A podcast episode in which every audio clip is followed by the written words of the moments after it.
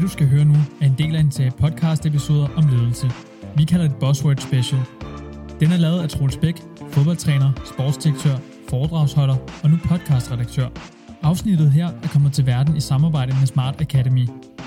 Smart Academy er navnet på efteruddannelsestilbudene på Erhvervsakademi Sydvest i Esbjerg og Sønderborg. Serien bliver udgivet eksklusivt på smartacademy.dk, inden den senere kommer hos podcastmediet Mediano. Her skal du holde øje med kanalen Mediano-magasinet.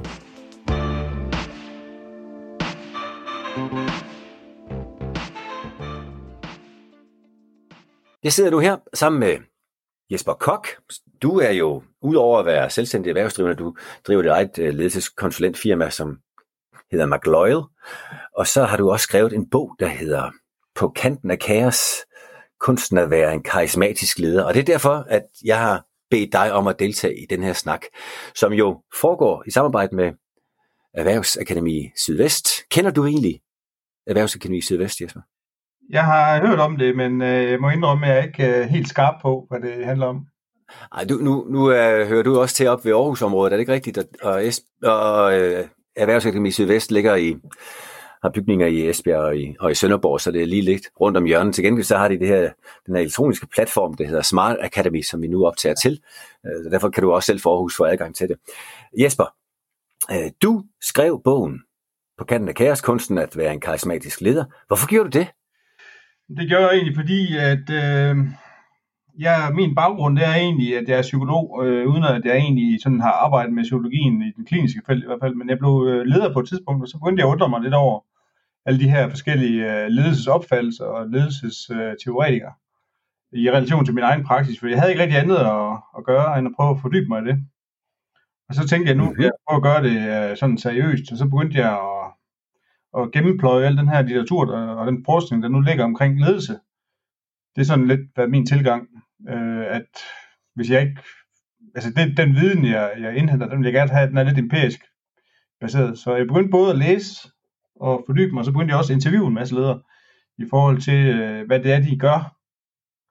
Og det blev så op en ret hurtigt, så blev det omdrejningspunkt omkring det her med karisma. Det, det optog mig meget, fordi der var mange forestillinger om, hvad, hvad en forandringsleder egentlig kan, og hvad en karismatisk leder, hvad betyder det egentlig? Så det var egentlig bare... Ja, hvad betyder det egentlig? Hvad betyder det egentlig, Jesper? Jamen, det var det, øh, fordi jeg synes jo, øh, ret hurtigt, så gik det op for mig, at der er sådan en, øh, en meget fast øh, definitionen af, hvad karisma er for noget, og også, det blev også meget øh, hurtigt sådan noget luftigt noget. Og hvis vi, sådan, øh, hvis vi lige skal tage, tage sådan en, en teoretisk øh, hurtig tur igennem det, ikke, så kan man sige, at det var en, der hed Max Weber, der øh, introducerede det her begreb som ledelsestilgang. Og hans øh, forståelse af det, det var dengang, at jamen, det er den der idé om, at øh, der er bare nogle mennesker, når de træder ind i et rum, så tiltrækker de folks opmærksomhed, og de kan næsten lede hvad som helst.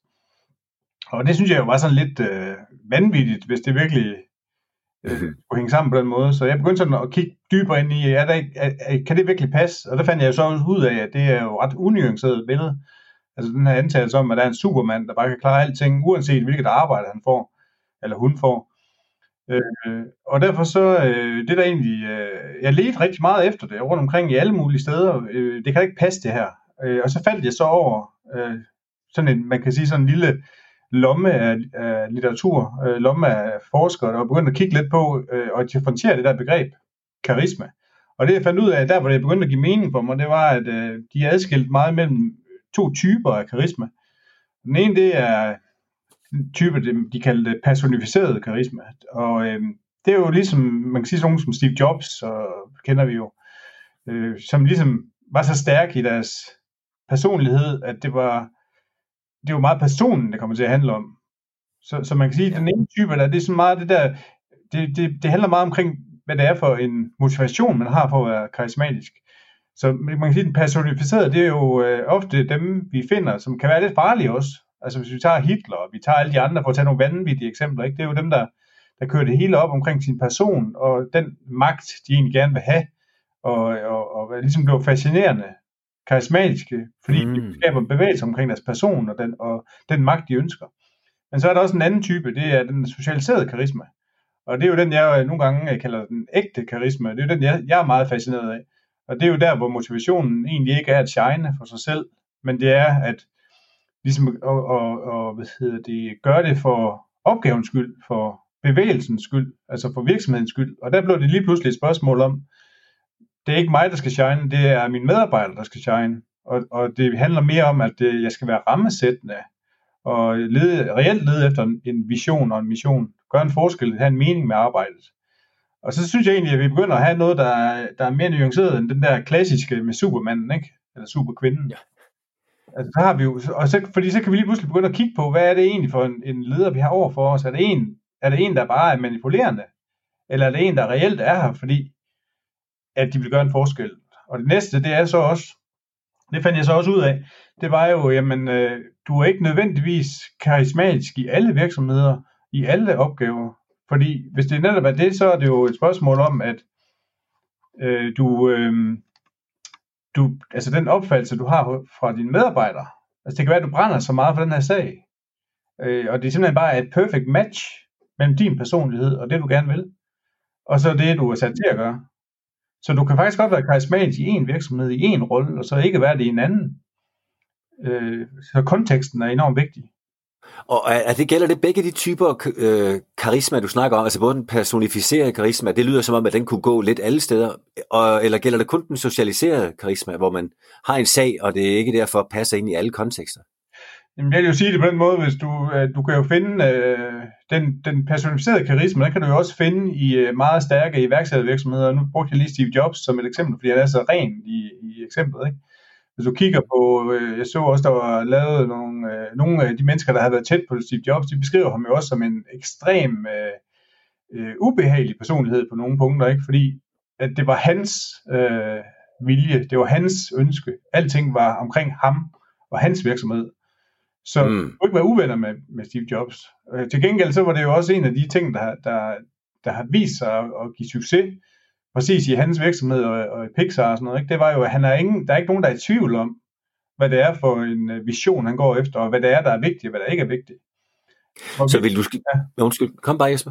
Men, men hvor involverende han er, det er jo spørg- det, det kunne man godt stille sig selv spørgsmål, ikke? Vil den lederstil, vil den være effektiv, hvis han blev ansat i en virksomhed? Det tror jeg næppe, fordi det kræver nogle armbevægelser, altså muligheden for nogle armbevægelser, som man finder i, ofte i en iværksættervirksomhed, der, der vokser op, ikke? Altså, så, så, så den karakterist, de karakteristika, du, du øh, beskriver omkring karismatisk ledelse, øh, det er meget øh, rettet ind mod at skulle skabe en, en stærk vision, som man kan forbinde sin egen person til som leder. Det vil sige, det er lidt nemmere at selskabe den vision, selskabe den virksomhed, end det er at gå ind i en etableret virksomhed og og matche ind i det. Er det, er det rigtigt forstået? Ja, man kan sige det på den måde, at i hvert fald den, den, personificerede, altså hvor det, hvor det ligesom bliver min sag, øh, der, der, øh, der vil jeg sige, hvis du sådan øh, har de her ledere, øh, jeg plejer at sige sådan, hvis du kigger, der er nogen, der taler om psykopati, og psykopatiske ledere, der finder du dem, mange af dem, som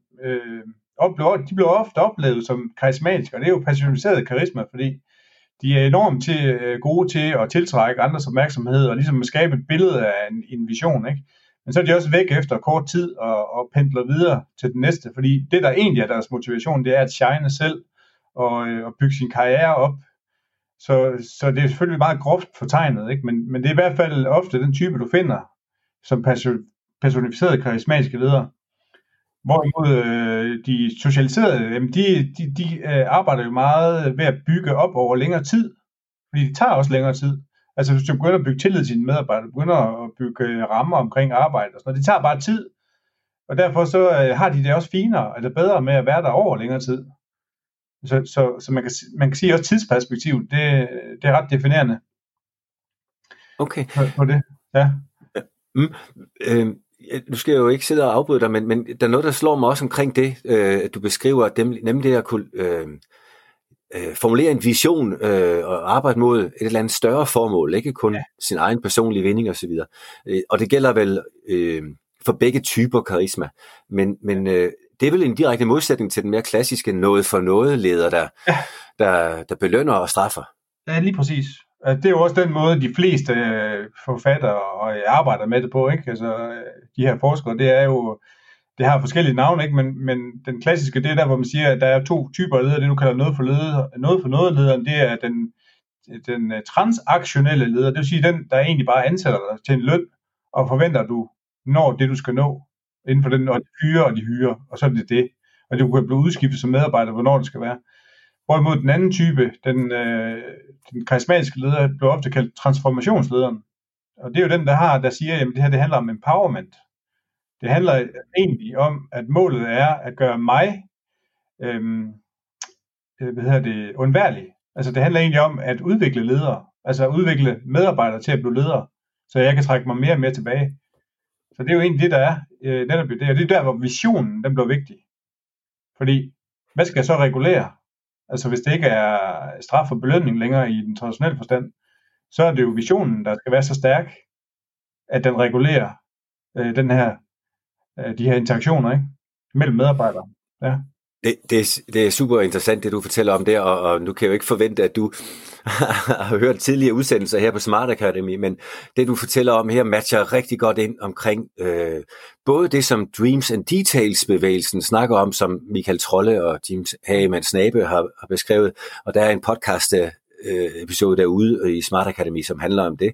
Og så handler det også meget for mig at høre om, om den motivation, der kan ligge til baggrund for, for den type ledelse, du, du taler om her, og der kan man faktisk også med fordel gå ind og høre den episode, der også under Smart Academy findes med Helle Hedegaard Hein. Øh, ja. Jeg ved ikke, om du har mødt Helle Hedegaard Hein øh, som, jo, som forsker i motivation. Ja. ja. Okay, men, men det vil så sige, at når, når, øh, når du ser øh, den karismatiske leder som en, der arbejder også ind mod de større visioner der, og give det et større formål end bare at, at gå på arbejde for at få løn, så, så er det også øh, lidt tidstypisk. Er det noget, du tænker, der, der er mere, skal vi sige, egnet i, i den tid, vi har nu, end det før har været, eller, eller hvordan tænker du om karismatisk ledelse og aktualiteten? Altså det, jeg tænker, det er jo, at øh, uanset hvordan vi vender og drejer det, så er det jo, øh, så er det jo, der er jo behov for både styring og lederskab øh, i enhver virksomhed. Altså der er jo, det er jo ikke kun et spørgsmål om at motivere, det er jo også et spørgsmål om at have økonomistyring og så videre, og risikominimering og alle de her discipliner, vi jo har flere års erfaringer med at bygge op. Men den, lige præcis den disciplin, der handler om at kunne skabe en stærk vision og skabe en stor sammenhængskraft, det mener jeg egentlig, at der er et godt argument for, at det bliver mere og mere vigtigt, fordi det er jo egentlig den her forandringshastighed, altså øh, øh fordi der er, der er spil ikke, fordi man kan sige, forudsigelighed, altså graden af forudsigelighed, det er jo egentlig den, der har defineret den klassiske ledelsesfilosofi. Altså evnen til at kunne forudsige, hvad vi skal gøre nu, for at øh, vi får en stor effekt i morgen.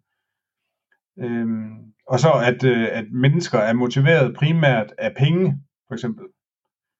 Øh, det er jo egentlig det, der, der egentlig øh, gør den klassiske ledelsestilgang effektiv. Men lige præcis de to ting er jo i øh, opblødning nu, ikke?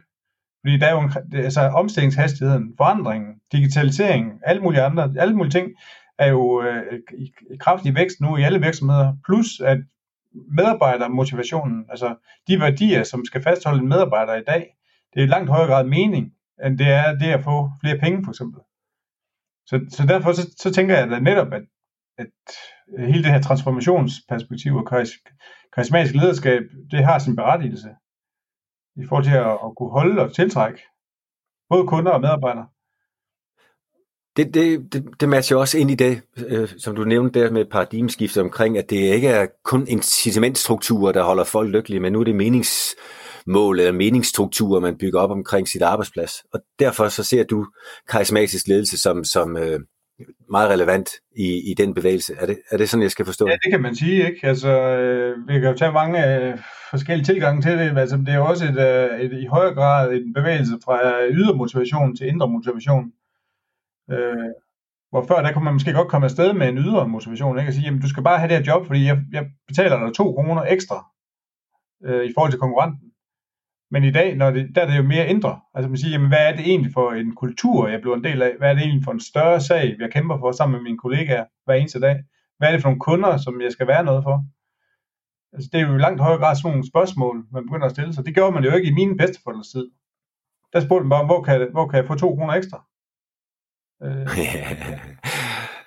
Jesper, øh, kan, man, kan man lære at blive en karismatisk leder, hvis man ikke at man fra naturens side har fået den gave? Er det jo ikke også det, som man oversætter ordet karisma med, en gave. Jo, det er en gave, ja. ja. Kan, man, kan man lære det? Jeg vil sige det på den måde, øh, jeg vil godt vende spørgsmålet om, kan man lære at have empati? Altså, hmm. øh, hvis du er født uden empati, fordi du har en eller anden defekt, så, så lærer du det nok aldrig. Men, men, men du kan godt øve dig i at, at være nysgerrig, for eksempel. Ikke? Øve dig i at have større mod til at begå fejl. Øh, større mod til at kommunikere med andre mennesker. Ikke? Altså, du, sådan nogle discipliner, det, det, det, det tror jeg måske er det, der ligesom er opgaven nu. Ikke? Det er, vi har jo den klassiske ledelsesfilosofi, der har vi jo et veletableret sprog, vi har også et veletableret begrebsapparat. Så, så det handler vel nærmere om at have et, et meget stringent begrebsapparat i forhold til karismatisk lederskab også, sådan så vi kan begynde at arbejde med det og øve os i det.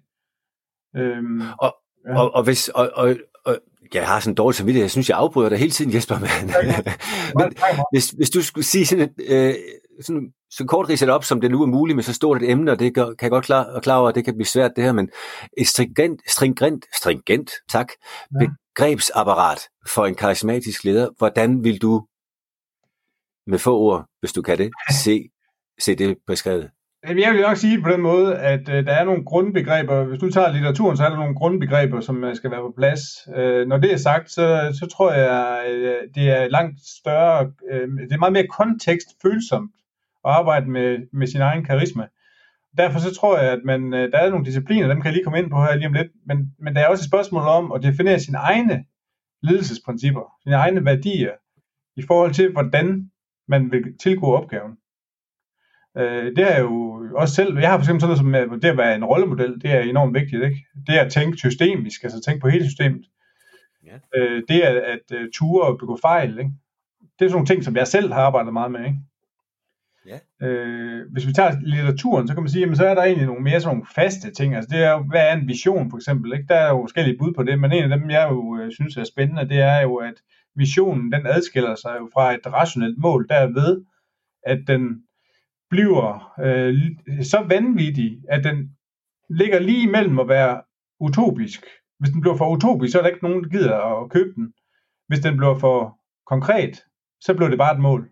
Så den skal faktisk ligge imellem utopien, altså det magiske, og så det konkrete mål. Ah. Øh, og øh, grunden til, at den skal ligge der, det er jo, at øh, hvis du definerer for meget, så er der ikke noget til overs for medarbejderen til at skabe mening.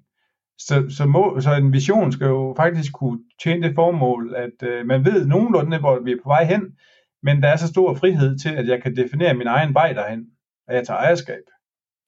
Er det forskellen på Burning Platform og Burning Desire? Ja, det kan man sige. Uh, Burning Platform, det er jo sådan lidt opstået ud af den her uh, hvad hedder det, uh, olieplatform, der brænder, og så uh, tvinger vi medarbejderne, nu er der ikke andre muligheder. Så det er jo egentlig også en antagelse om, at, uh, at der altid skal skabes et eller andet problem for at få, få medarbejdere til at løbe. Ikke? Hvor Burning, Platform, eller Burning Desire, den handler jo om netop den indre motivation. Hvordan kan vi egentlig skabe en indre ild?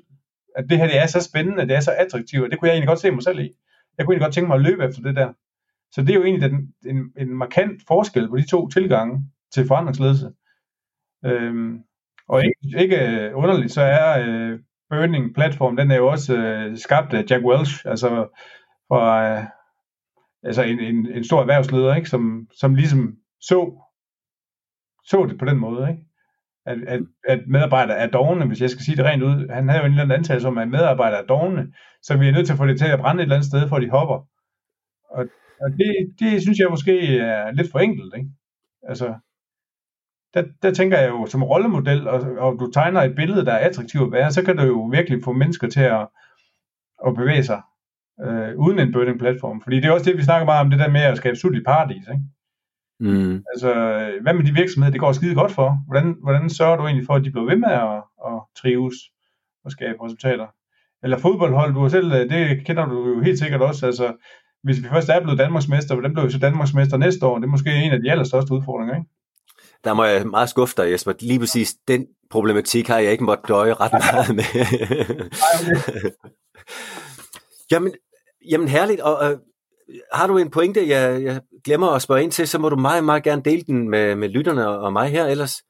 Ja, det kan tror, være, det. Den vigtigste point, hvis vi skal lave en afrunding på det, det er det her med, at øh, karisma, det er, ikke, øh, det er ikke øh, forbeholdt de få, og enten så har du det, eller så har du det ikke. Det er et spørgsmål at opsøge de øh, meningsfællesskaber, hvor du, kan, hvor du kan mærke, at her, det her, det brænder jeg bare for. Og så øh, gå ind i det øh, med alt, hvad du nu har at gøre med, og så øh, prøve på at lære mere og mere, og knytte dig til de her medarbejdere. Så tror jeg, at de begynder at opfatte dig som karismatisk. Det, det tror jeg er en væsentlig pointe. Og med den klare pointe og det gode råd, så vil jeg sige mange tak til dig, Jesper Kok. Øhm, og, og for dem, der sidder og med, så fortsætter det nu over en samtale med Don Ø, Flemming Østergaard, kendt fra fodboldens verden. Jeg sidder her sammen med Flemming Østergaard, manden som i de brede folkekredse er kendt som Don Ø, og, øhm, og det er jo patenteret, Flemming. Jeg, jeg har noteret mig, at du simpelthen har patent på begrebet Don Ø. Ja, det kom så i sin tid, da jeg fik henvendelser fra forskellige erhvervsliv, blandt andet fra en restaurationskæde, som havde fem restauranter, som ville kalde den Don Ø. Ligesom der var inden for tøjbranchen, der ville lave en kollektion, der hed Don Ø. Og det ønskede jeg ikke, for hvis man nu forestillede sig, at restauranterne de lavede hundede, mm. så blev jeg identificeret med den, og kvæg det også, hvis de lavede noget dårligt tøj og så videre. Så jeg valgte at registrere det, og så sagde nej til samtlige reklamer omkring det. Ja, og det må være et meget nationalt øh, trademark, fordi der, selve øet er jo begrænset til Danmark og ganske få andre lande. Ja, ja. Men, men ikke desto mindre. Øh, det, der jo for mig springer i øjnene med det, det er, at du er jo blevet et brand. Altså det er jo, når, når Don Ø kan blive interessant for folk, der producerer tøj eller har restaurantkæder, så er det fordi, det er et brand. Og, og tænk så, at du har levet et ledelsesliv, hvor du ender med at være et brand for noget. Du er ikke bare en arbejdskraft, du er ikke bare en, en leder, du er simpelthen blevet et brand for noget, en stil. Og, og det er det, som lidt er indgangspunkt, indgangsvinklet på, øh, på den her samtale, vi skal have. Fordi emnet her for samtalen er karismatisk ledelse, og, og grunden til, at jeg har spurgt, om du vil deltage, og er glad for, at du har sagt ja, det er, at du er det mest karismatiske, jeg har oplevet i, i hvert fald den fodboldverden, jeg har levet i øh, som leder. Men det er jo først, når jeg går ind i fodboldverdenen, at navnet Don Ø kommer frem. Ellers øh, glemmer man nok i historikken. Jeg har været 13 år i fodbold, nej 15 år i fodbold. Øh, men jeg har også haft et andet erhvervsliv, som har været utrolig spændende. Både før og efter? Både før og efter. Jeg har ja. været chef for mange tusind mennesker. Jeg har rejst rundt i hele verden i 180-200 dage i par 20 år. Etableret selskaber, bygget selskaber op, og så videre, og så videre. Så det første, jeg kommer i, efter mit uheld i 1986, hvor jeg bliver kørt ned af en bil. Øh, det er først der, jeg holder op og sad i kørestol og arbejdede mig op, og alt det, der fulgte med der, at jeg holdt op med min internationale karriere. Og så kom jeg ind i fodbolden. Men jeg har haft et utroligt spændende liv før. Ja, det er, det er jo helt vildt, ikke også for meget fodbolden egentlig tager opmærksomheden, fordi du har vundet erhvervspriser. Ja, jeg var chef for en virksomhed med nogle tusind ansatte, og der var du i medierne sådan en gang, kan man sige, hver, om måneden måske, og så omkring årsafslutninger med videre. Og så kommer du ind i den lille fodboldverden, da jeg kommer til FCK, jamen der er syv ansatte og et fodboldhold, ikke? Ja, og I omsat formodentlig for en brøkdel. Er der en medieinteresse, som er helt utrolig, men til gengæld har det jo også gået stærkt. Ja. Altså, da jeg holder op i FCK, der er der jo på lønningslisten over 2.000 ansatte. der kan du tale om eksponentiel stigning i, i, hvad der sker. Men omkring ledelse er det jo nøjagtigt den samme ledelse. Altså det at drive en fodboldklub og drive en anden forretning, det er i realiteten de samme redskaber, jeg bruger. Og det synes jeg er rigtig interessant, fordi jeg... jeg altså, der er en forskel i fodbold. Du har to faktorer ind, som du ikke har i erhvervsliv. Det er fans, og så, som vi lige talte om før, medieinteresse. Og det er nogle beslutninger, som mange ledere egentlig ikke rigtig forstår at handle. Hvad er det, der skiller? Hvad er det, de ikke forstår der, tænker du? Øh, jeg har oplevet meget, også internationalt, øh, været rundt og været med til nogle bestyrelser i møder, eller i hvert fald nogle managementmøder i andre klubber. Og der hører jeg meget ofte bestyrelsen, altså hvis du har et forslag, som er fornuftigt og godt, så der er altid en i bestyrelsen, der rækker fingrene i vejret og siger, hvad siger fansene, og hvad siger medierne? Mm. Og meget ofte bliver en fornuftig beslutning lavet om. Fordi det, skal tilpasses medierne og fansene. Og der er jeg iskold. Der siger jeg, hvis det er en rigtig beslutning, så er jeg fucking ligeglad. hvad medierne siger, og hvad fansene siger. Det er ikke lige med, at jeg ikke tager mig af fans, og jeg er ikke lige med, at jeg gerne vil have bogpresse. Men der er aldrig nogen, der får mig til at lave en rigtig beslutning om, så det bliver tilpasset fans og medierne. Og alligevel så har fodbolden jo det ekstra, som du understreger også, ekstra incitament, nemlig at der er så meget følelse forbundet med både beslutning det er klart, og det, det er tredje faktor, det er følelserne. Ikke? Ja. Altså du oplever jo, nu har jeg lige været i Brøndby, inviteret af, af en af de Bjørn. næststørste aktionærer, Ja. og øh, som ringer til mig og, og spørger, om jeg ikke vil med ud, fordi jeg har kendt Ebbe også, og han er, så siger det vil jeg gerne, og ære hans minde. Og der er der så fem eller seks Brøndby-fans, der, der synes, hvad sker derude, når der kun kommer fem, øh, undskyld, der kan være 500. Men det, man glemmer på medierne, det bliver jo så skruet op. Jeg tror, i BT i går var det næsten en hel side. Stor sensation. Men de skulle så kigge på min fanside, eller mit fælde. Jamen, der har jeg over 20.000 henvendelser, som synes, det er en knaldgod idé, også for Brøndby-fans. Mm. Så igen, det er historik. Ja, og, men det er bare et eksempel på, at det der må være et forstærket element i den ledelse, du har måttet bedrive i fodbold, nemlig at følelseselementet er så øh, massivt og så meget anderledes, end hvad du må have oplevet de andre... Det er en helt andet, du kan ikke sammenligne det. Nej. Og lige præcis der tænker jeg, at den ledelse, du har udført, velvidende, at det er meget af det samme, du har haft som styrpind. Så, Jamen, så, jeg har altid sagt, altså en af de ting, der er meget vigtigt for mig, jeg har nogle banale, kan nogen sige, øh, synspunkt omkring, det er punkt et, at man skal være et fe. et fæ. Et fe. F for flittig, E som ærlig. Hvis du er flittig, så kommer du langt. Ja. Altså, du vil altid kunne have et job. Jeg læste lige her i avisen forleden dag, der var en SAS-pilot, øh, som har mistet sit job, og jeg tager hatten af for manden, han er gået ud og blevet skraldemand i dag. Altså, en flittig, ærlig fyr, der vil, der vil være en forsørge sin familie. Mm. Og udover det, så har jeg altid sagt, at det er vigtigt, at du har et produkt, men det allervigtigste er, at du har de rigtige mennesker. Mennesker er efter min mening vigtigere end produktet. Og lige præcis der, der skal man kunne mere end sit bare almindelige øh, business dansk, når man skal vurdere, om menneskene passer ind og passer sammen. Øhm, og det at have den her, åh, det kræver en form for empati, som, som også er en del af det at være kar- karismatisk leder. Hvordan, hvordan øh, har du arbejdet, hvis nu jeg skal rise op, hvad jeg tænker om kring, øh, karismatisk ledelse, så er det for det første, ja, empati, øh, presence, at man er nærværende, kan være til stede lige præcis i det, man er, og at man i øvrigt har gennemslagskraft.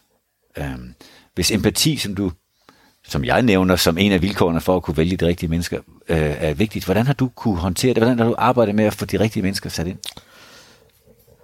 Først og fremmest, hvis der er tale om, om øh, kan man sige, en stilling, øh, som er afgørende for, du kan sige, alle mennesker er egentlig, man glemmer meget ofte, når man taler om direktionen, øh, man taler om bestyrelser osv., det er hele vejen igennem i hierarkiet, at du skal sørge for, at du har de rigtige mennesker. At du har en bestyrelse afhængig, kan man sige, hvilken branche du er inde i, som er, at du har en, der har forstand på regnskab, du har en, der har forstand på de produkter, du har med at gøre. Øh, kort og godt, at du har en, en bestyrelse i dag, som kan være med til at give direktionen det modspil, som der nu engang er ved at drive en virksomhed. Og så skal man huske på, som jeg altid siger, det er, at mennesker er forskellige. Og kun ved at behandle dem forskelligt, kan du behandle dem ens. Ja. For vi er forskellige alle sammen. Det kræver noget, ikke? Det kræver noget. Det kræver meget, men for eksempel i en ansættelsesfase, der bruger jeg utrolig meget tid. Altså, hvis det er et afgørende, øh, kan man sige, job, som har noget med mennesker at gøre generelt i hierarkiet, så har jeg meget ofte, for eksempel, øh, hvis det er en mand, jeg ansætter, så er jeg meget ofte hustruen med ind til et interview. Øh, hører lidt om, om, om de forskellige ting, uden at selvfølgelig at gå ind og, og knæve for meget i privatlivet. Men det er meget vigtigt for mig, at det er et menneske, som også, øh, kan man sige, uden at blande sig i privatlivet generelt, men, men som også har, har nogle øh, familiemæssige restriktioner, som, øh, så det ikke er i stort kaos det hele. Ja. Det kender vi også fra fodboldverdenen, hvor vi nogle gange kigger på det, spillerens... Det, det, det har vi jo alle sammen mødt i Ja. ja. fodboldverdenen, Troels. Vi har mødt fodboldspillere, som lige pludselig ikke kan ramme bolden, fordi de ikke kan hjemme, hjemme det fungerer ikke, vel? Så, så det er Og selv fornemt. fodboldspillere har jeg engang bedt om, at hustruen kommer med. Ja, det er rigtigt. Og det er nogle gange, fordi ja. de er repræsenteret af hustruen som Helt agent. klart. Hvis du ikke har det godt derhjemme, Men det gælder jo alle jobs, ikke? Jo, så, så i forhold til det at ansætte de rigtige mennesker, så en grundig research og en grundig samtale altså ja. i, i, i ansættelsesforløbet. Hvad gør du så for at holde dem, øh, skal vi sige, på rette vej i forhold til det projekt, som I nu er en del af? Hvordan får du dem guidet med, med deres særlige ja, kendetegn? Jeg, hvad skal vi sige, altså jeg har den glæde, uden at det skal lyde højrøvet. Altså de virksomheder, som jeg har været ansat i, får jeg den dag i dag de nøglemennesker, der har været, for jeg stadig, har jeg stadigvæk kontakt med. Øh, og når de kan se, hvor engageret jeg er om at drive en virksomhed, og drive den pågældende virksomhed, som jeg på det tidspunkt har drevet, jamen så håber jeg også skal skabe den inspiration, der er nødvendig for at... Altså det vigtigste er jo, at folk er glade for at køre på arbejde.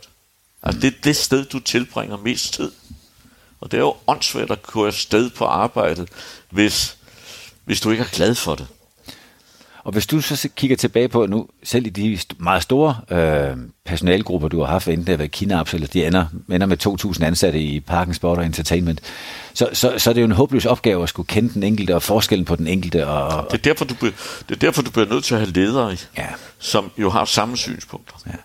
Og som på samme måde prøver... Altså, jeg har for eksempel i Kinaps, da jeg startede derop, der sad jeg i kørestol og var meget ivrig og ansat unge mennesker med noget erfaring og noget interesse, og de kom så om søndagen for at høre mig fortælle om idéer, tanker, markedsføring og alt muligt andet halløj.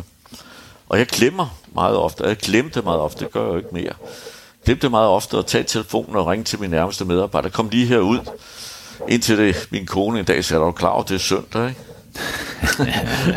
altså, jeg er meget engageret i det, jeg gør. Og, øh, og det håber jeg smitter af på andre mennesker, så... Og det er præcis der, hvor jeg tror, det, det karismatiske ligger, nemlig at dit engagement smitter af på andre. Dit engagement bliver til andres engagement. Jeg tror, det er vigtigt afhængig af, hvor stort firma er, for du kan selvfølgelig, når du er chef for 10.000 mennesker, kan du ikke være rundt i alle hjørner. Men det er meget vigtigt, at de kan se, altså jeg har aldrig gjort forskel på, undskyld udtryk for arbejdsmand Hansen og direktør dit og der, de behandler alle ens. Mm. Jeg har ingen snopfornemmelser eller noget som helst andet. Ligesom for at gå tilbage i fodbold, der mange, der sagde, hvad går den fest original over til fansene for? Men det var en del af min idé og tanker, da jeg kom ind i fodbold, siger, jeg må skulle høre, hvad de siger, de er forskellige. Og det er da klart, at der var mange fans i starten, der tænkte, hvad laver den fest original, det han skal stå over på kontoret. Men det gjorde jeg hele vejen igennem. Og når jeg havde VIP folk, regeringsmedlemmer, kongelige og alt muligt andet, hvor det var tilløb, og de kom i parken, så vidste de, at jeg gik en time. For det fansene var lige så vigtigt for mig, som at være sammen med dem. Og på samme måde, hvis du ser en virksomhed, så for min skyld kan man sige, jeg hjælper en, en virksomhed lige i øjeblikket, som har en fejl, synes jeg. Jeg skal nok lade være med at nævne virksomheden. Jamen, de har en, en god topledelse, men de klemmer hele vejen ned. For det er også vigtigt at have en god, øh, kan man sige, en, der tager telefonen. En, der sørger for, at du kommer igennem, at du ikke sidder og venter i kvarter 20 minutter. Ligesom hvis du har en god salgsafdeling, og som knaller biler ud for eksempel, eller nogle andre ting ud. Hvis din leveringsafdeling, eller din øh, logistik, at de glemmer øh, at levere til tiden. Altså helt en organisation, der skal fungere optimalt. I ordets bogstavelige forstand. Når du der, har arbejdet... der tænker jeg nok lidt anderledes end, end, end mig. Altså jeg, selvfølgelig har jeg topledelse, topledelse, men jeg tænker hele vejen igennem. Du skal være synlig. Hvordan, hvordan har du gjort det? Hvordan har det praktisk været muligt for dig at være synlig for, hvad enten det var i starten 7 i FC København, eller til sidst 2000 i Parken Sport Entertainment? Altså, jeg kan, jeg kan give dig et eksempel. Da jeg kom ind i Walter Runciman Group, i en forholdsvis ung alder kom i bestyrelsen. Det, det var et, en virksomhed, som handlede, der hed Angel Line, Runciman Insurance og, og Tan, Tan uh, Safes. Og der havde vi, hvad havde vi, fire fabrikker. En stor fabrik i Jævle, to store fabrikker, en i Billericay og en i Brentford. Og øh, den fabrik der, der havde, vi havde en masse strejker, hvis man husker tilbage. Uh, der var en masse strejker i England på et tidspunkt. Vi er jo de der 30 år tilbage. Jeg er blevet en gammel mand, hvis det ikke er mere. Mm. Og, øh, og der havde arbejderrepræsentanterne, de har aldrig nogensinde været, kan man sige, inde. Der var et lokal, hvor man holdt møderne, øh, med direktionen. Men man havde egentlig aldrig, og jeg tænkte, hvorfor nu det? Og der gik jeg ned en dag til stor chok for mine kollegaer i bestyrelsen. Der gik jeg ned på fabrikken og gik rundt der. Det var der sgu aldrig nogen, der havde gjort før. Og så talte jeg med de forskellige mennesker. De skulle også vende sig til mig. Og der, hvis du forestiller dig sådan en kæmpe fabrik med 600-700 ansatte, øh, med smede, forstørret smedeværksted, og den ene sted, der var de Arsenal-fans, og næste var de Tottenham-fans, og, mm. og så videre, og så videre. Og der holdt nøgne madammer og alt muligt andet. Men jeg gik sgu hen og snakke med dem. Og øh, for at gøre en lang historie kort, så fik jeg kontakt med de forskellige på en anden måde. Og en dag, da jeg gik dernede, øh, jamen, så hørte jeg, at de spillede, spillede firmafodbold. Og de stod og talte om, at de manglede en mand, så sagde jeg, kan jeg ikke spille den? Og de, de blev lige ikke chok, men de tænkte, ah, hvordan undgår vi det? Eller de tænkte, hvad fanden sker der her? Og det korte og lange, jeg har faktisk spillet udmærket fodbold til din orientering. I, Skårshoved. Jeg skulle sige SIF. Og dengang, uh, det hed første division, ja. og jeg spillede 108 kamp. Mm. Uh, og vi kommer så ud der, der skulle et par hundrede tilskuere derude. Og, uh, Ansatte eller bare? Nej, bare folk, der kiggede. Uh, ja, der var måske nok mere. Og så laver jeg et mål, og der er helt sådan... Da jeg lavede det tredje mål, der lå de ovenover på mig alle sammen. og vi havde ikke en strække. Det lyder lidt naivt, ja. fordi jeg kunne gå ned og snakke med dem. Lidt dumt eksempel, men that's the life. Men det at være nærværende, det at kunne blive mærket af ikke bare din medleder, din vicedirektør, hvem du har siddet ved siden af, men det at blive mærket og kunne blive altså en del af hverdagen for dem, der også skal få tingene til at ske på gulvet. Det, ja. det er en del af din måde at drive ledelse ja. på. Men alligevel har jeg jo gennem årene fået skyld for at være en hård banan, jo. Ja, og det tænker jeg, at lige efter det her lille korte, øh, den korte hilsen fra, fra Smart Academy, så vil jeg gerne høre mere om det, og om din gennemslagskraft. Ja. ja fordi det er et, et emne i sig selv.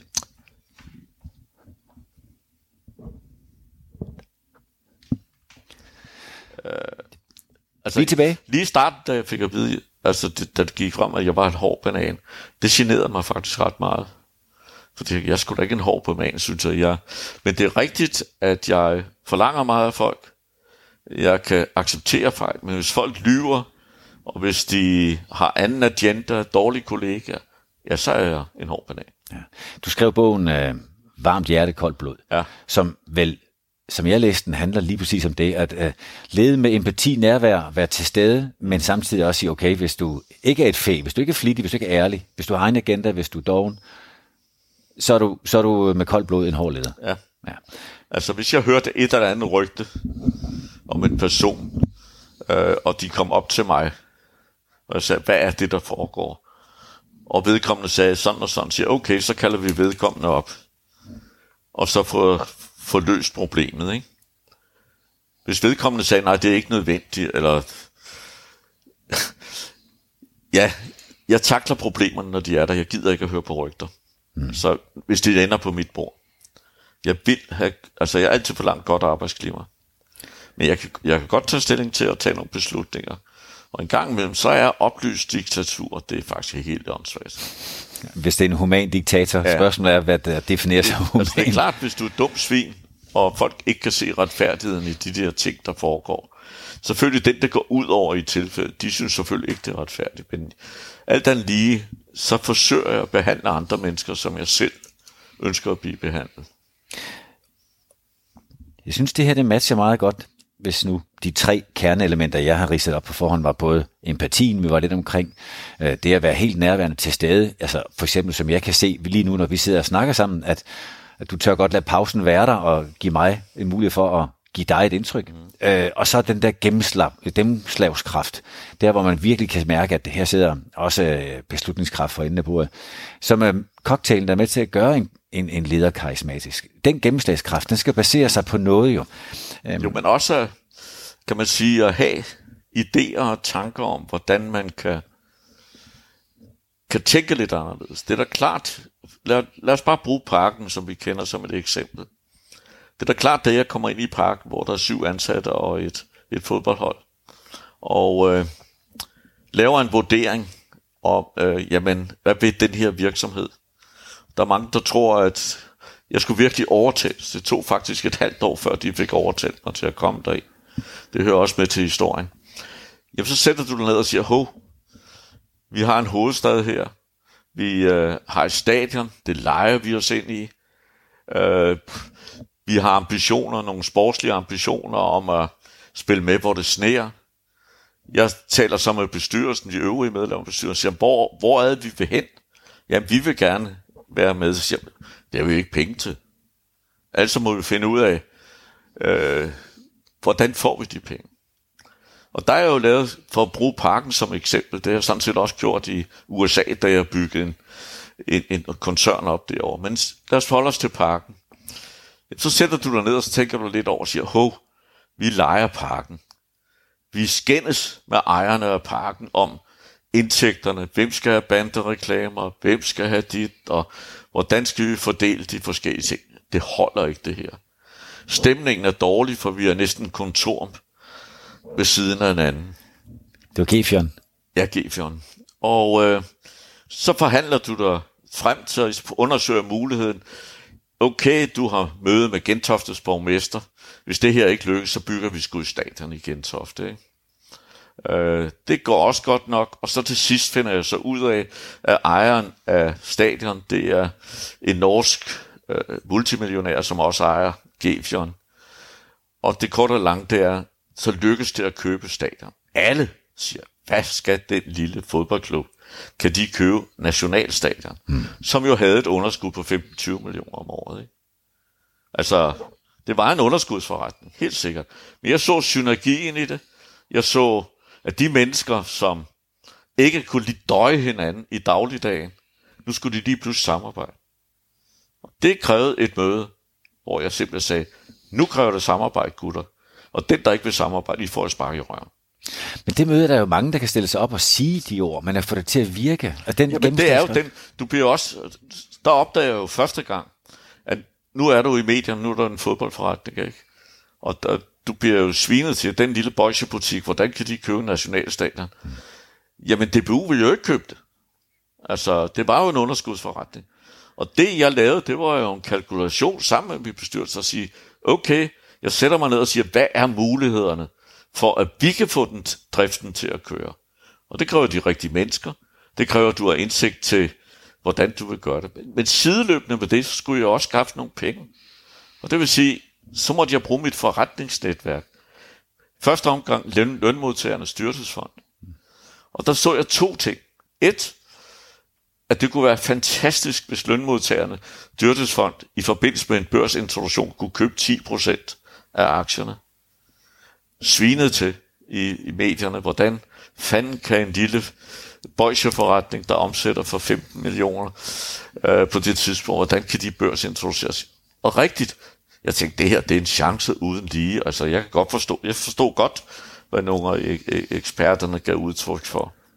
Men det korte og lange, vi blev børsintroduceret, fik, blev overtegnet, og vi fik 67 eller knap 70 millioner i kassen og alle var glade. Det næste, der så sker, det er jo hele fankrisen kommer og siger, hold da kæft, nu har vi 70 millioner køb, køb spillere. Og på det tidspunkt, rent sportsligt, der lå vi jo i bunden. Vi lå og kæmpede i bunden. Uh, vi, vi, og jeg overtog en organisation, som var, vi havde en, en administrerende direktør, som satte sig på bænken. Ja. Altså måtte du komme ind og sige, at der er visse forudsætninger ud af røret med ham, vi må lave en organisation. Det er der, du får rygtet om, når du kommer ind. Jamen, alle dem, du ikke kan bruge, de ryger ud af hensyn til helheden. Hmm. Og, og på den måde, kan man sige, bygger du en virksomhed op, du går til næste og siger, ah, går jeg rundt og kigger og siger, vi har kræfter med et pragtfuldt stadion her.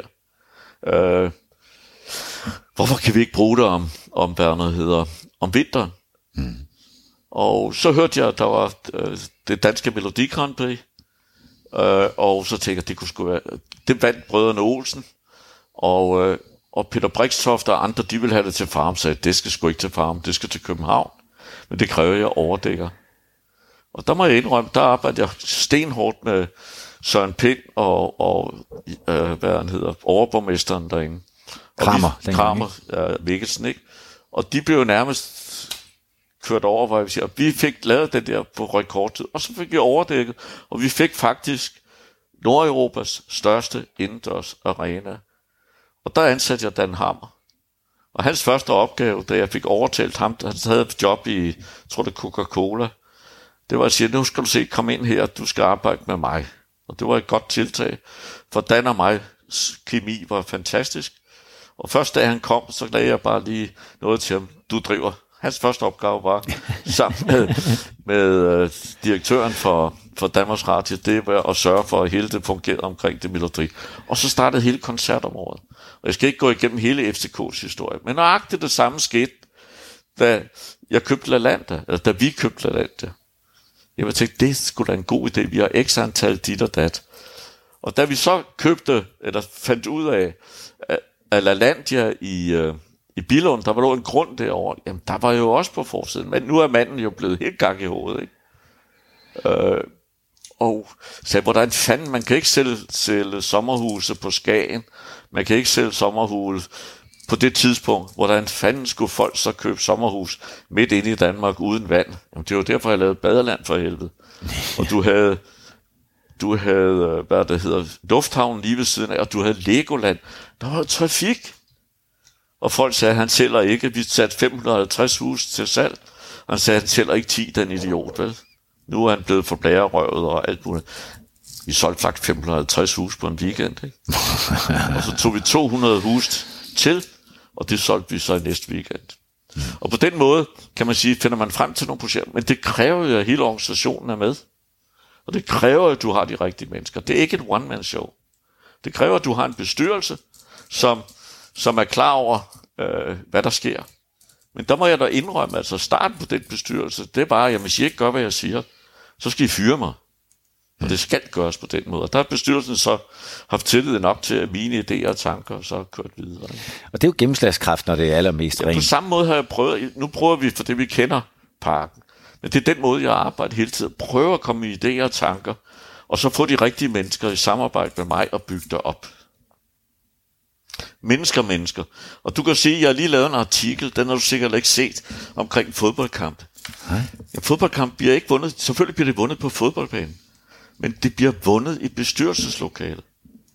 Det er bestyrelsen, der tager beslutningerne om, hvem skal være, hvordan organisationen skal, ud, skal se ud. Hvis du ikke ansætter den rigtige cheftræner, hvis du ikke ansætter den rigtige sportsdirektør, hvis du ikke ansætter de rigtige mennesker rundt i systemet, det er jo bestyrelsens ansvar. Det er jo dem, der har taget stilling til det. Så fodboldkampe, ja, det bliver vundet i bestyrelseslokalet. I hvert fald i det store træk. I det store ja, træk. Det er der beslutningerne bliver taget. Flemming, jeg har jo været jeg har været et modstander til dig i mange år, når vi har, når vi har krydset klinger på banen, og jeg har forsøgt at, at få fundet en eller anden sprække ind i det, som skete i FC København i din tid, og det var svært. Jeg har, jeg har vundet alt for få kampe mod dig. Men jeg husker også din øh, øh, evne til at placere både FC København og øh, på landkortet og give det ekstra twist. Altså en ting er modet til at købe parken, en anden ting er visionær, det visionære i at købe LaLandia, og, og, og det er helt ud af boksen med at bygge sommerhus midt ind i landet og så videre, som du lige har nævnt. Men, men det er også at ture... Jeg husker en kamp, vi var, jeg var træner i FC Midtjylland, og øh, vi spillede på det gamle IK-stadion, det var før det Messecenter Herningsstadion der blev bygget, og du ankom, vi havde fået at vide, at vi var nogle bundrøve og har gjort det til en ære, og bygget hele staden om til en kæmpe stor lade med hø, øh, høballer og halmballer, og jeg skal komme efter dig. Og alt personale var i gummistøvler med, med høtyv. Og du kommer del med kørende i en kæmpemæssig traktor. Eller var det en majtasker? Det, det var en traktor. En traktor. Øh, ind igennem Ikas by og hen til stadion. Det at gribe den bold, der blev i luften, og det at pludselig at vende det om og sige, okay, men så er vi med på lejen, men vi markerer os igen med, med, ja, med den øh, skal vi sige, ekstra power, som det gav dig at kunne komme som københavneren i traktoren. Øh, hvilke tanker gjorde du der bag det? De første tanker, ideen kom jo sådan set fra IKAST øh, FC Midtjylland. Mm. Det, og uh, det kom, jeg er gode venner med borgmesteren i Herning, Lars. Og jeg advarede og sagde, lad være med at gøre det, for I vil blive kaldt bunderøv resten af tiden. Men de insisterede på at gøre det. Mm. Og, og, og så foreslog jeg, så lad os komme i traktor, lave traktor race. Og der kom jo i hvert fald 150 traktorer. Det. Og øh, jeg var med min familie på LaLandia i Bilund, og følte, at jeg kørte i god tid til, til stadion. Men jeg kom 20 minutter for sent, og det jeg kommer aldrig for sent, vil jeg lige sige. Mm. Hvorfor? Fordi der var, jeg kunne ikke komme forbi alle de traktorer, der var på vej til, til, det, til stadion. Men det var jo også, altså, jeg var jo rundt på det tidspunkt. Øh, jeg var vel ikke den mest vældige øh, i provinsen, fordi jeg var ude og råbe højt om, at, at du må i kraft om at bygge nogle nye stadions. Det er jo ikke rigtigt. Det, og det må jeg jo sige. Øh, jeg har lige fået af Claus Steinlein, har jeg lige fået et lille videoklip i sidste uge. Jeg har blevet interviewet til en erhvervssaløj, hvor man gik i skoven og skulle tale om forskellige, ligesom vi gør nu. Og det viser så, at dem, der interviewede mig, fik også et udsagn for, for andre, som der har mødt mig på vejen. Og der, det hørte jeg her for 14 dage siden. Jeg kan, du kan få lov at høre det, når vi er færdige. Mange tak. Og det, det var egentlig meget sødt, det Claus sagde. Han sagde, at da jeg mødte dig første gang, så tænkte jeg, hvem er den blærerøv? Hvad er det, han vil lære os jøder omkring, hvordan vi skal drive en fodboldforretning? Mm. Og så sagde han meget sødt, men det du sagde, har jeg nu konstateret, at det er rigtigt. Og, og, og gav faktisk en, en, en, en ros, som jeg var utrolig glad for at høre, øh, han gav videre der. Og på samme måde oplever jeg, kan man sige, at dem, som synes, at jeg var den der københavnerblærerøv, som siger, jeg alene hvide, og de drillede mig lidt med, at jeg sagde, management, management, management. Så tænkte jeg, hold nu op, kan du ikke bare kalde det ledelse, din højrøde banan, ikke? Jamen, jeg nyder at være rundt i de forskellige klubber i dag, og jeg bliver fandme modtaget bedre, end da jeg var i FC København. Uh, og det er en fornøjelse. Jeg har lige været inviteret i AGF, og mm. her, når vi skal spille mod FC Midtjylland, så kommer jeg også forbi der, og holder stadigvæk nogle foredrag. Og mange af de ting, jeg sagde dengang, uden at være bagklog, det var, at I bliver nødt til at forbedre stadions. I får nødt til at få en organisation, som ved lidt om fodbold. Og øh, jeg ved om fodbold, men, men også at få bygget en ledelse op, og ikke bare øh, altså management, undskyld udtrykket. Og det er jo det, der fejler i mange klubber den dag i dag. Men faktum er jo bare, at vi har fået fantastisk mange stadions. Vi har jo egentlig ikke nogen sådan decideret dårlig stadion, hvis du tænker tilbage. Nej, så der er sat, øh, der er sat en ny standard. Ja, du skal jo ikke have æren for, at de er bygget, men det var i hvert fald, i hvert fald sikkert, at det var en af de ting, jeg sagde. Jeg har holdt foredrag i, i samtlige klubber. Hvor meget er du bevidst om, at din øh, kommunikation er et bærende element i den ledelse, du øh, udfører? Altså hvis jeg igen kan insistere på at kalde det karismatisk ledelse. Jo, men jeg, jeg, jeg øh, altså nu talte vi om medierne før. Øh, Altså igen, da jeg kommer til FC København, der er en af de første ting, jeg skulle finde frem til, det var jo, og igen kan vi bruge det som eksempel, det er jo den mediestrategi, der nu engang ligger. Og øh, i FCK, da jeg var der de første to måneder, var jeg ved at blive idiot af at læse aviser. For den ene dag sagde en for bestyrelsen noget, næste dag sagde cheftræneren noget, tredje dag sagde den noget, det var som regel ikke det samme. Og der er meget mod min vilje, for det, jeg, det er først i fodbolden, at jeg Altså i andre jobs, jeg har haft før, havde jeg altid en presmand, der kunne træde frem, og så kunne jeg sidde bag. Der valgte jeg så at sige, okay, det er mig, der står for kommunikationen. Selvfølgelig måtte cheftræneren udtale sig, men der er ikke andre, der måtte udtale sig. Og det skulle de folk lige vente sig til, men de fik en over nakken, hvis der er nogen, der sagde noget. Og, øh, og det var både på godt og ondt. Det karismatiske må jo også være, at man har for at sige det på godt jysk, røv i bukserne til de beslutninger, man, man gerne vil have gennemført. Altså at man reelt kan sætte trumf på og sige, okay, jeg, hvis der skal slåsses, så er jeg den stærkeste. Hvis der skal tales, så er jeg i stand til at tale færdig og, og få udtryk, hvad jeg vil have. Og, og den styrke skal jo komme et sted fra. Øhm, da du kom ind i ledelsesjobbet første gang, hvilken styrke baserede du din ledelse på? Kan du huske tilbage til det? Jamen, jeg var chokeret jeg var chokeret om, om hvordan bestyrelsen, altså nu kan jeg kun tale om, og, og jeg var chokeret over, øh, det, det, der, der, altså det galt for mig hurtigst muligt at få en bestyrelse, som du kunne spare med. Altså vi tilbage til ledelse igen, og da, stadigvæk den dag i dag, så mener jeg, at man har et kæmpe ledelsesproblem i mange øh, fodboldklubber. øh, og der er mange, der bliver fornærmet, når jeg siger det. Det er for eksempel en af de vigtigste øh, ting i en fodboldklub, og en af de største ting på et fodboldbudget, det køber salg af spillere. Det er en af de få brancher, du har nøglepersoner, som ikke er uddannet til salg og markedsføring. ja, det er sandt. Øh, der er tidligere fodboldspillere, tidligere fodboldtræner, som lige pludselig bliver sat en rolle, hvor de skal være købmænd. Og jeg siger ikke, det lykkes nogen gang, men i hvert fald min erfaring siger mig, at hvis der ikke er en, der er forstand på at handle, der har det overordnet syn på det, så får man for lidt for pengene. Mm. For det er mange bliver alt for ofte ofte øh, imponeret af, at X-klub i Tyskland siger, at du kan få 30 millioner. Og der bliver ikke diskuteret så meget. Det kunne være, at du skulle have 60. Og når jeg sidder og kigger på erhvervslivet generelt, og ser, hvor, hvor erhvervslivet gør meget ud af, hvis de skal have en salgs- eller marketingchef, jamen så er det jo nogen, som kommer til interview og alt muligt andet. Men i fodboldverdenen, der tager man en fodboldspiller, eller en, der absolut ikke er uddannet til den post. Jeg håber ikke, du føler dig ramt. jeg sidder her og tænker på... Nej, men det er jo, det er jo Peter-princippet om igen. Men, det er Peter-princippet. Ja. Du har en, en, en, en, kan man sige, en skidedygtig øh, eksempelvis spiller, der har været... Og så lige pludselig... Ah, det, du kan ikke bruge Peter-princippet der. Som regel er der fodboldspillere, der er færdige. Ikke? Mm. Men i gamle dage var det jo velkendt. Altså, da jeg starter min første virksomhed inden for forskellige brancher, hvis du havde en salgsafdeling, lad os sige inden for da de nye elektronregnmaskiner kom frem, eller EDB, så havde du en salgsafdeling på 100 mennesker, og så dør salgschefen. Jamen, hvem tog man? Det var den, der solgte mest, ikke? Ja.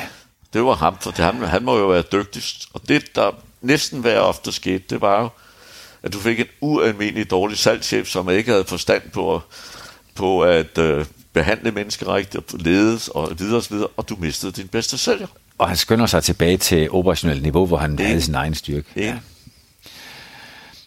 Flemming, jeg, jeg sidder her og er taknemmelig for dine tanker og dine ord, der, der følger med, og, øhm, og tænker, at den karismatiske leder, jeg sidder overfor, har så mange udtryk, så mange billeder. En ting er, at jeg straks, når jeg ser dig for mig, lader alle de her billeder passere revy, hvor du sidder med, med kongelige, med regeringsmedlemmer, med, med, med politisk top øh, personer på tribunen. Jeg ser dig øh, stå i bar mave, i øvrigt utrolig veltrænet, selv for, selv for yngre mennesker som os, øh, ned på banen og juble over øh, mesterskab, eller i hele taget de mange mesterskaber med de meget store øh, karakteristiske glas øh, fra Carlsberg, fadelsglasene. Øh, men jeg ser dig også køre tusindvis af kilometer for at være tilgængelig, ikke bare til kampene, men for konkurrenter, der beder dig om at komme ud og sige lidt om, hvad der ligger til grund for det, I gør i det her tilfælde i FC København.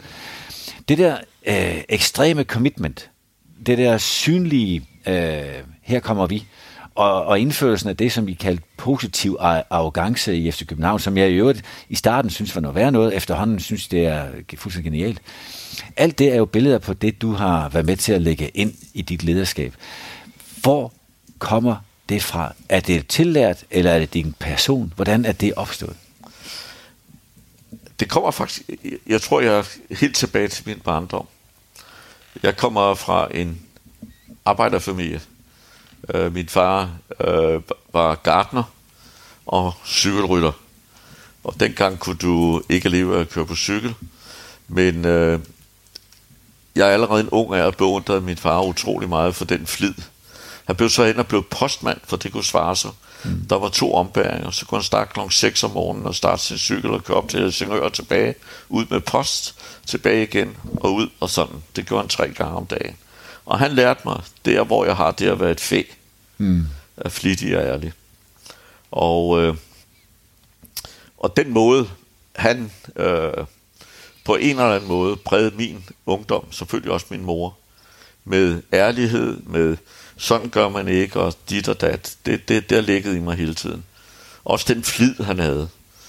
Han nåede også at blive dansk mester og var med til to olympiader. Mm. Og, øh, og altså han var et, et, et, et pejlepunkt for mig.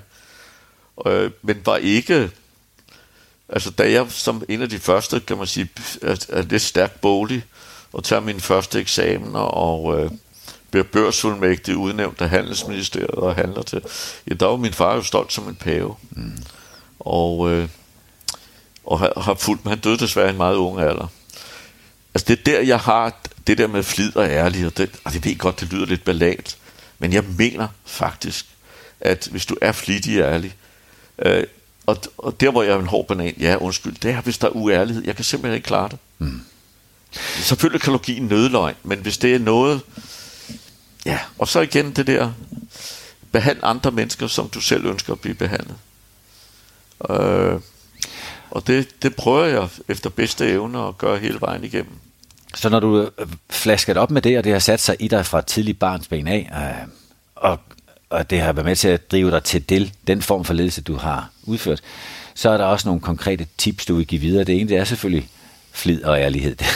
øh, og jeg tænker, at det andet, du lige har nævnt, det er at behandle andre folk, som du gerne selv vil behandles. Er der andre ting her på faldrev, du kan give dem med, som, som tænker, jeg vil gerne bedrive mere af den form for ledelse, som, som kan kaldes? Vær grundig i ansættelsesfasen, hvis du selv vil ja. have en ledende stilling. Og samtidig også, øh, altså, vi behøver ikke at være direktører alle sammen jo.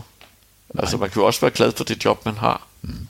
Jeg havde en fantastisk dygtig medarbejder engang i Kinops, øh, som jeg egentlig havde planlagt. Da, I Kina startede jeg op i kørestol, og det blev en succes, og så startede jeg op i Europa med at bygge det op i Europa for vores svenske organisation. Og der ville jeg egentlig gerne have vedkommende til at overtage øh, nogle ledelsesmæssige opgaver i, øh, i, i virksomheden, og der kaldte jeg ham ind.